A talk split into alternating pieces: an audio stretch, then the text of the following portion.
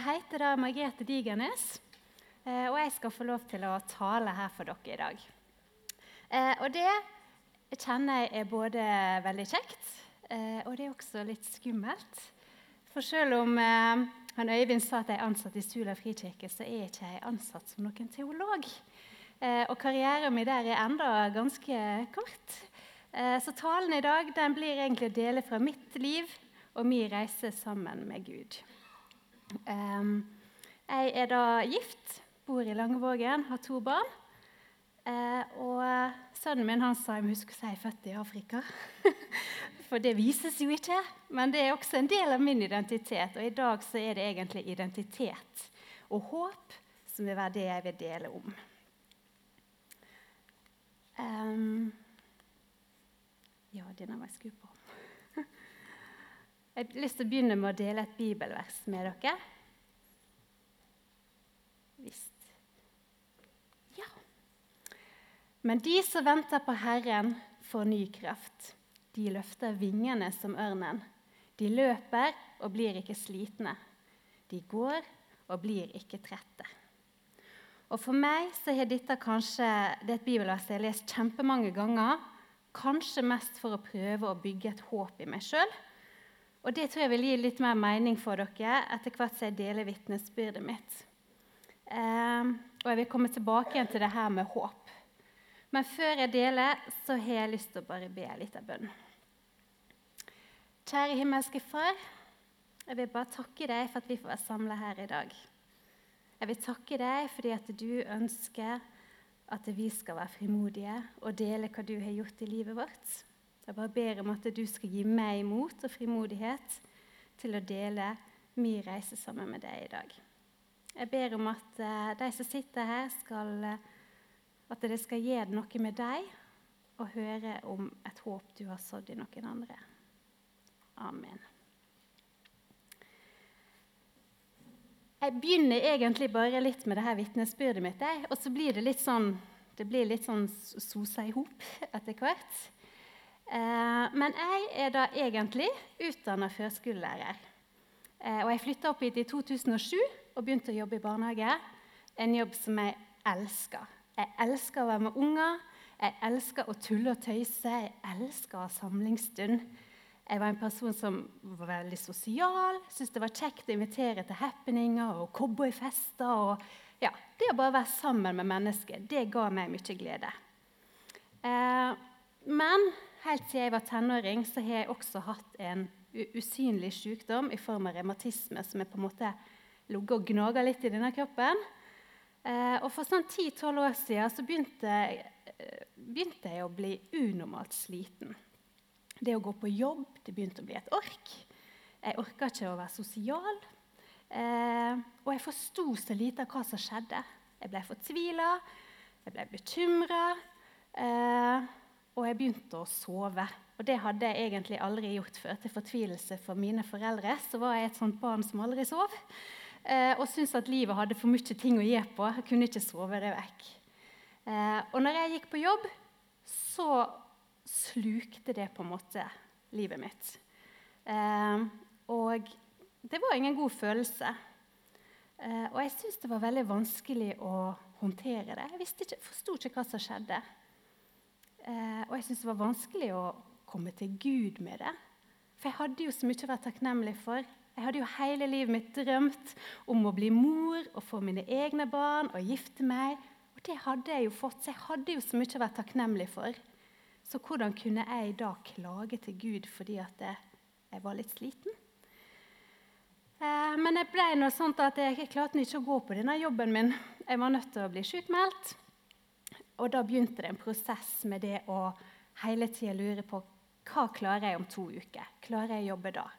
Og det ble, det ble et litt sånn jag inni meg som ikke kjentes godt.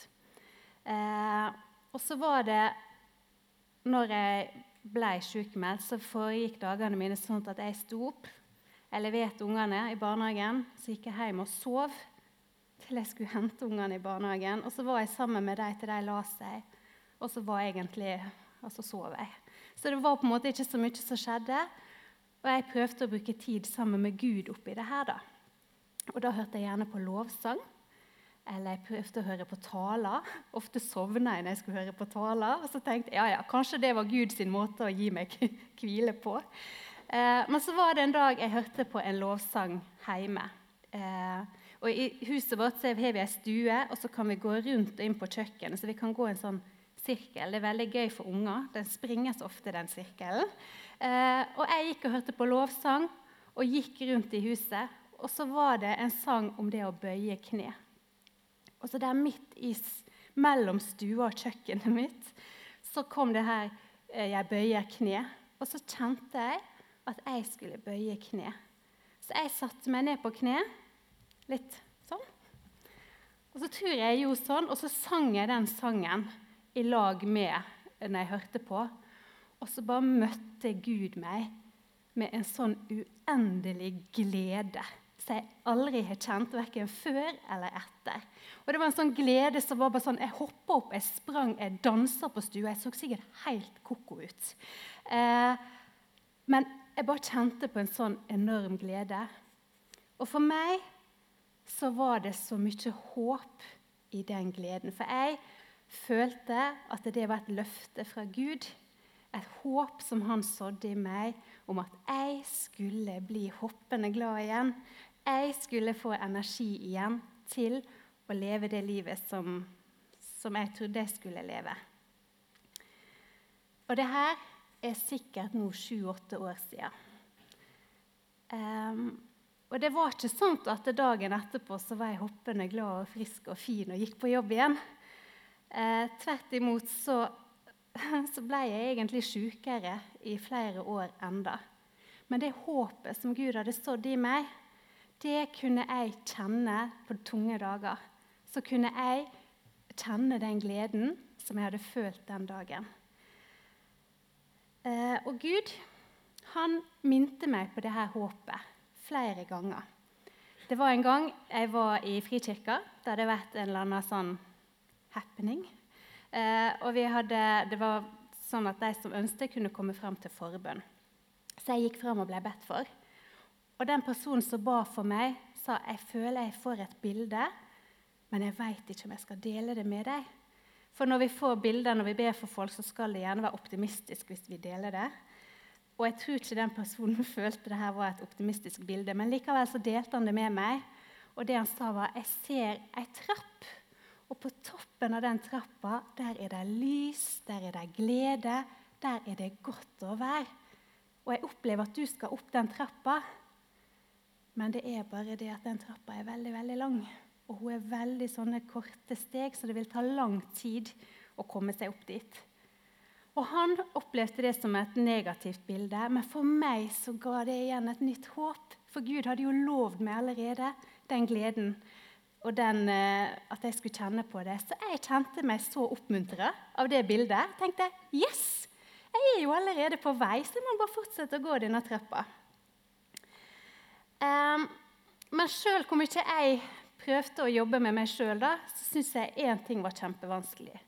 Det var spesielt når folk spurte om jeg kunne be for deg. Eller hvis jeg hadde lyst inni meg til å be for noen som var syke, så var jeg litt sånn det kan jo ikke jeg gjøre. Jeg hadde ikke frimodighet til å be for syke folk. For jeg var jo syk sjøl. Og hva ville, det, hva ville, folk tro om meg da, hvis jeg trodde at jeg kunne komme der og be for noen, når Gud ikke hadde gjort meg frisk? Og det er en løgntanke. I Johannes 10,10 10 så står det at, uh, at tyven han kommer for å stjele og drepe, men Gud han kommer for å gi oss jeg husker ikke helt bibelverset, men gi oss glede og fred. Og den tanken den lot jeg bli en del av min identitet. Og det var ikke en tanke fra Gud. Og så var det tilbake igjen til denne her jobben min, da, for det gikk jo egentlig ikke så bra med meg å gå på jobb. Og jeg prøvde og jeg prøvde, og det siste jeg ville, det var å bli ufør. Det var helt utenkelig. Men likevel så var det jo det som endte opp med at jeg måtte søke uføretrygd. Um, og det var en lang og en vond prosess. Eh, og det gjorde mye med identiteten min. For hvem, hvem, er jeg nå, hvis ikke jeg kan gå på jobb? Hvem er jeg hvis ikke jeg er førskolelærer? Margrethe? Hva er min verdi hvis ikke jeg kan stå opp og gå på jobb, men bare gå rundt hjemme? For det som skjer når vi da er sjuk og bare går hjemme alene i fem-seks år, det er at du blir ensom. da. Det skjer noe med identiteten din. Og det er da det er så godt å ha det her håpet som Gud kan gi oss. For også i denne uførprosessen min så kom Gud igjen med nytt håp. For egentlig så fikk jeg melding om at jeg kom til å få avslag. Og da tenkte jeg sånn, Hvorfor i alle dager skal jeg få avslag når jeg endelig har gått med på å søke på denne uføretrygden som jeg ikke vil ha, som ikke er en del av meg? Eh, men så fikk jeg 14 dager sånn åpen sak. ja. Eh, og i de 14 dagene så møtte Gud meg på nytt. Og jeg klarte, å, jeg snakka med de som måtte sende inn ting, og så klarte jeg å legge det fra meg. For Gud han fylte meg med en sånn fred og en ro, og jeg kjente at jeg klarte å gi det til Gud. Og den dagen jeg fikk svar, det endelige svaret på uføretrygda mi, så satt jeg hjemme om morgenen og hadde ei stille stund med Gud. Så bare kjente jeg en sånn For når jeg føler at jeg hører Guds stemme, så hører ikke jeg Guds stemme sånn audiotivt. Eh, men det er på en måte som tanker eller følelser som kommer inni meg. Så følte jeg bare at jeg begynte jeg å kjenne litt på en sånn glede igjen. Og så følte jeg at jeg hørte da inni hodet mitt at dette er en gave fra meg til deg. tenkte jeg. Hva som er en gave å bli ufør, liksom? Ja, men Det er ikke for alltid.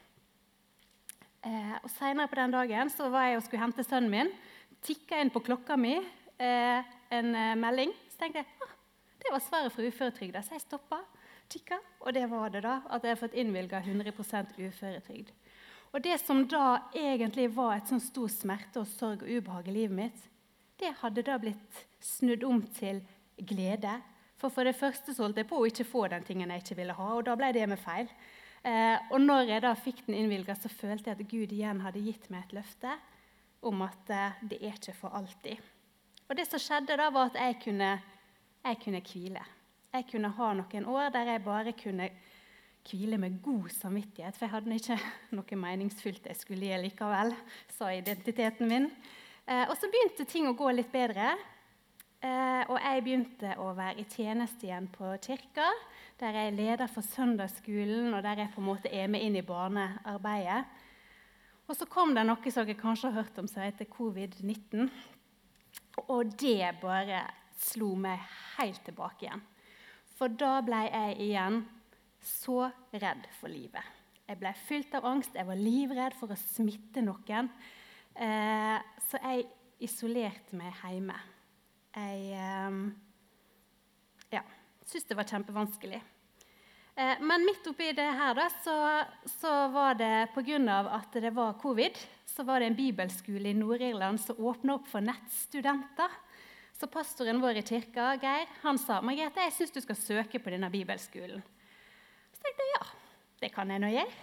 Eh, og hvis jeg kommer inn, så er det meninga, hvis ikke, så er det ikke meninga. Jeg var nå litt sånn. Eh, og den som kom inn på bibelskolen, det var meg. Eh, og det jeg ikke hadde fått med meg, da, det her heter Encounter School of Mission. Det er en veldig utadretta bibelskole der vi skal gå ut på gata og be for folk og liksom invitere Jesus inn i livet, eller åpne opp samtaler om Gud. Og det hadde jo ikke jeg fått med meg, for jeg turte nå absolutt ikke å gå ut og snakke med folk. Korona fantes, folk fantes, alt var skummelt. Eh, men så er jeg også litt sånn at når jeg har sagt ja til noe, så er jeg litt sta med det. Så jeg begynte nå på den skolen og Det første temaet vi hadde om, det var om identitet. Hvem vi er i Guds bilde. Og det traff meg så, så hardt. For her hadde jeg gått i fem, seks, sju, åtte år og tenkt hvem er jeg nå? Jeg er nå ingenting. Jeg er ikke verdt noe fordi jeg har ikke en jobb. For yrkestittelen den preger så mye av identiteten min. Eh, og Gjennom denne bibelskolen så følte jeg at Gud han han var så nær, og han viste meg veier, og han talte til meg. Igjen ikke med ord, men inn i tankene mine. Og Så var det en dag jeg skulle egentlig ut og, og be. Eh, og det jeg ofte gjorde, det var at jeg gikk opp på Sulafjellet. For der møtte ikke jeg så mange folk så, som jeg egentlig skulle be for. Men så ba jeg for Sula, da, for jeg så jo hele Sula og Djevelfabrikken. Og sånt. Og så følte jeg igjen da en dag så følte jeg at Gud sa du skal knele og be. Og det er ikke noe jeg vanligvis gjør, da, selv om jeg fortalte om det i stad også. Så gjorde jeg det. Jeg knelte der i fjellsida, og så begynte jeg å be. Og så kom det en sånn rar bønn ut av meg da det sa Gud, først må du hjelpe meg før jeg kan hjelpe andre. Og jeg skjønte ikke hva det var jeg ba, for jeg skulle jo be for Sula. Og så fikk jeg Salme 23, og så tenkte jeg det her var en pussig opplevelse. Så gikk jeg hjem igjen på undervisning på denne bibelskolen. Og der hadde vi da undervisning om identitet. Og hun som leder samlinga, hun sa jeg føler jeg har noe jeg skal dele med noen i dag. Og så snakket hun rett inn i mitt liv. Eh, og Jeg gikk på denne bibelskolen i lag med Anna på kirka. og Hun sendte meg en melding. 'Margrethe, hun snakker jo om deg.' Um, og så avslutta det hele med så vil jeg dele Salme 23 med deg. Og Det ble så oppløftende for meg at Gud allerede hadde vist meg det rett før. Og så skjedde dette. Andre, en annen ting som skjedde, var at Gud leda meg i møte med folk, sånn at jeg fikk profesjonell hjelp til å jobbe med det som var vanskelig for meg. Og jeg fikk eh, lære at jeg sleit med angst. Det var det som gjorde livet mitt så vanskelig. Og det hadde jeg sikkert gjort helt siden jeg var lita jente. Og så hadde det bygd seg opp inni meg. og Til slutt så, så var det fullt.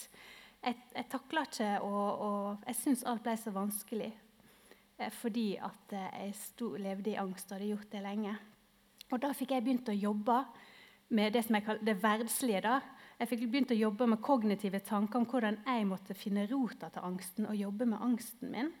Og Samtidig så gikk jeg på bibelskolen, der jeg fikk påfyll av hvem jeg var i Guds bilde, hva min identitet var. Eh, og det gjorde meg veldig godt. da, og begynte å gjøre at Jeg begynte å få energien gradvis tilbake igjen. Og For ca. et år siden så spurte han Geir meg kan du tale på gudstjenesten om identitet. Til voksne? For det hadde jeg jo aldri gjort før. Så jeg, ja. Eh, og jeg sa jo ja, da. Jeg syns jo det var, helt, eh, det var verre enn i dag. så, eh, og så, Det var på en måte også vendepunktet i mitt liv. Da, at jeg turte å begynne å dele om hva Gud har gjort i livet mitt. Jeg turte å ta det steget ut i det kjempeskumle for det å dele om hva Gud har gjort i livet vårt, det er faktisk litt skummelt. Eh, men jeg tror det er viktig at vi skal gjøre det. da. Eh, og Så ble det en sjukmelding på kirka. Og så sier han Geir da, du Margrethe, tror du kanskje du kunne jobba 20% hos oss? Og jeg var altså Tør du å satse på meg, udugelige, ikke flinke ei som ikke kan noen ting, Margrethe, som i en jobb? Ja, tror ikke det går bra, da? sa han Geir. Og han, eh, han, og jeg og familien min vi holdt sikkert alle litt pusten. Eh, for hvordan skulle det her gå? Kommer jeg nå til å bare gå bam, rett inn i en ny utmattelse i tiår? liksom? Men Gud hadde begynt en prosess i meg. da. Og det som skjedde, var at jeg blomstra jo. Tenk at jeg kunne liksom gå på jobb, gå ut av huset mitt. Jeg kunne gi noe som tjente noen andre. Jeg kunne tenke større tanker. Jeg kunne begynne å være kreativ igjen. Eh, og fra i høst av har jeg jobba 40% minst i kirke. For når man jobber i kirke og har mange kreative ideer, så blir det ofte litt, litt mer. Men det er fordi jeg kan, og fordi jeg vil. Og alt dette er fordi Gud han sådde et håp i meg for seks-sju år siden om at jeg skulle bli glad igjen. Og jeg skulle få eh, blomstre igjen. da. Eh, og et annet bilde, så Jeg nevnte det her med den trappa i stad. I fjor vår så var det, jeg var på et seminar der vi skulle øve oss på å lytte til Guds stemme. Eh, og Så gikk vi sammen i grupper med folk vi ikke kjente, og så skulle vi liksom lytte. da. Og så var det ei dame, når det kom til min tur, så sier hun Nei, dette her er kjempe, kjemperart. Men når jeg liksom skulle lytte til Gud for deg, så så jeg ei rulletrapp som liksom gikk fort oppover. Og det er jo kjempeteit, sa hun da. Nei, det er ikke teit. For Gud han har brukt bilder på trapper før i livet mitt, og da var det ei lang trapp som hadde små trinn. Tenk å ta ei rulletrapp opp da, og liksom speede opp farta. Og For meg så ble det liksom Å, Gud, du har ikke glemt meg, og du er trofast. Og du eh, Ja, han viste meg igjen det håpet der. Og nå har jeg snakka mye om håp. Eh, men hva er egentlig håp? For definisjonen på håp det er ifølge mine Google-søk en positiv og optimistisk forventning om at noe ønsker skal skje. Og Jeg har lyst til å bruke en metafor på det. da. om det her med håp. For nå er det nå vår, og vi begynner kanskje å skal så, så litt ting. Og når vi sår et frø, så putter vi det ned i ei krukke med jord, og det er helt mørkt rundt dette frøet. Og For at det skal begynne å vokse, så trenger det lys, det trenger varme, og det trenger vann. Eh, og Hvis vi bruker det i en metafor da, i hva det kan bety i livet vårt, om at Gud kan så noe i livet vårt Så for meg så følte jeg at når jeg knelte den dagen på kjøkkengulvet, så sådde Gud et håp inni meg. Og det her frøet, Håpets frø da, det fikk varme gjennom den kjærligheten som jeg opplevde av Gud og mennesker rundt meg. Og det fikk lys ved at jeg følte meg sett av Gud og møtt av Gud. Og så ble det vanna gjennom kunnskap fra både bibelundervisning, men også kognitive teknikker til hvordan jeg kunne jobbe. For Gud han ser helheten. da. Han ser det verdslige også. Det tror jeg. Og Til slutt så måtte jeg bare stole på at jeg hadde nok mot og nok kraft i meg sjøl til å sprette gjennom dette jordlaget. Og enda hadde nok jeg denne frøkapselen på. Hvis dere har sådd solsikke, så, så, kommer ofte frøet opp.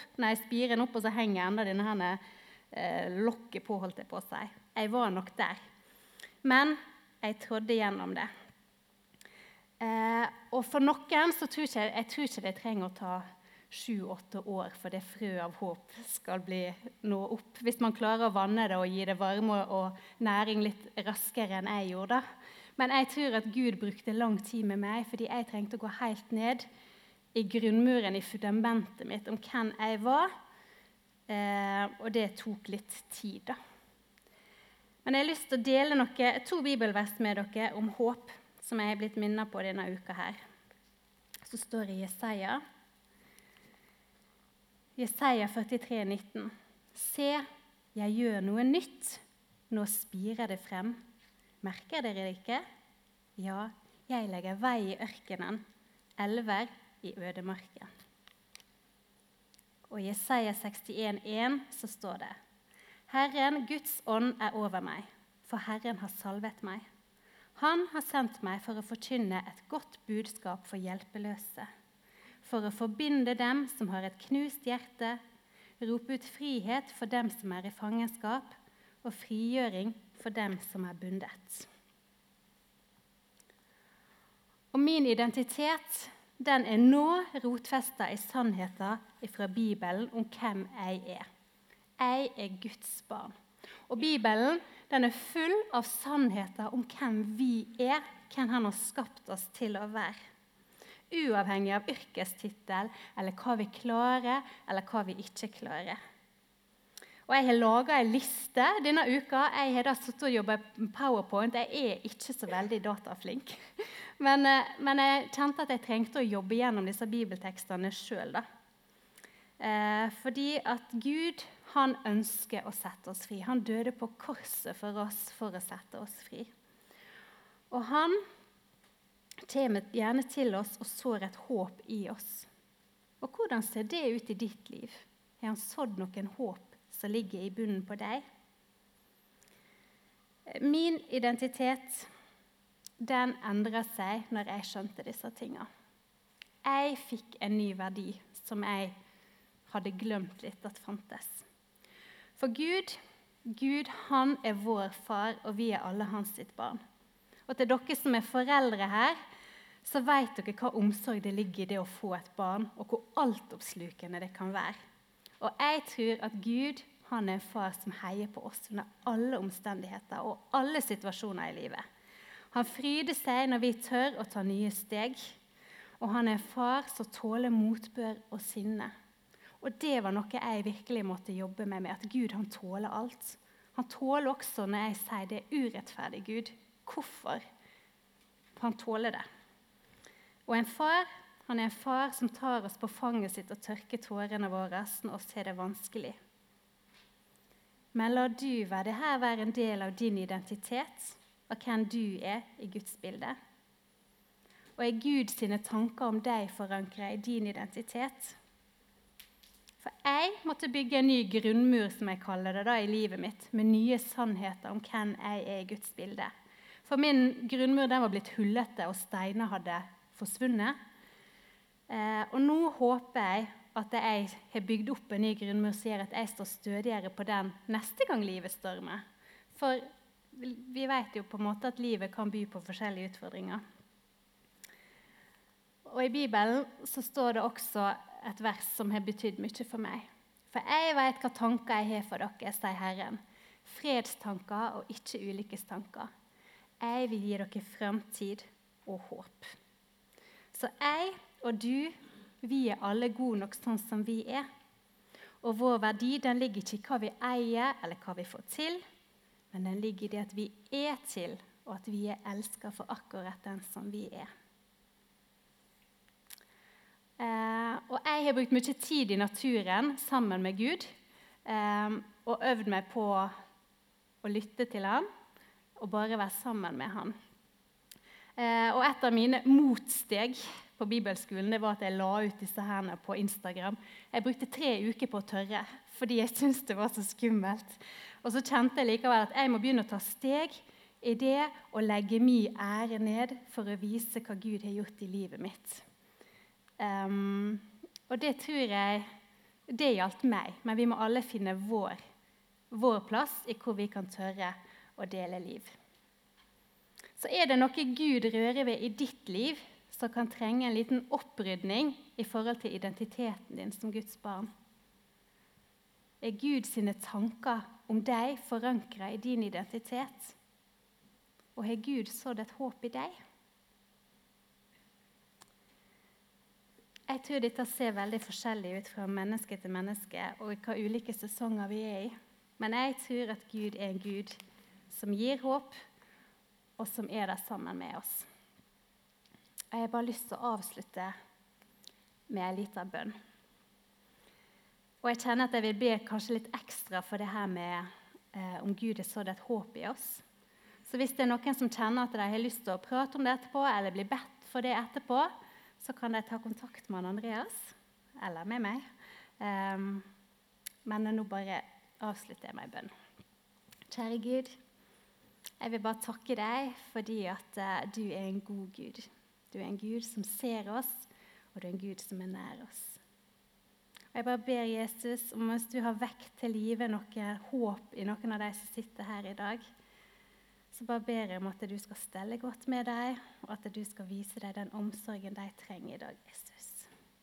Og du bare velsigne hele denne fine menigheten og alle folka som er her i dag. for. Og jeg takker deg fordi at du går hver en dag sammen med dem, uavhengig hva situasjonen de står i, så er du med dem. Amen.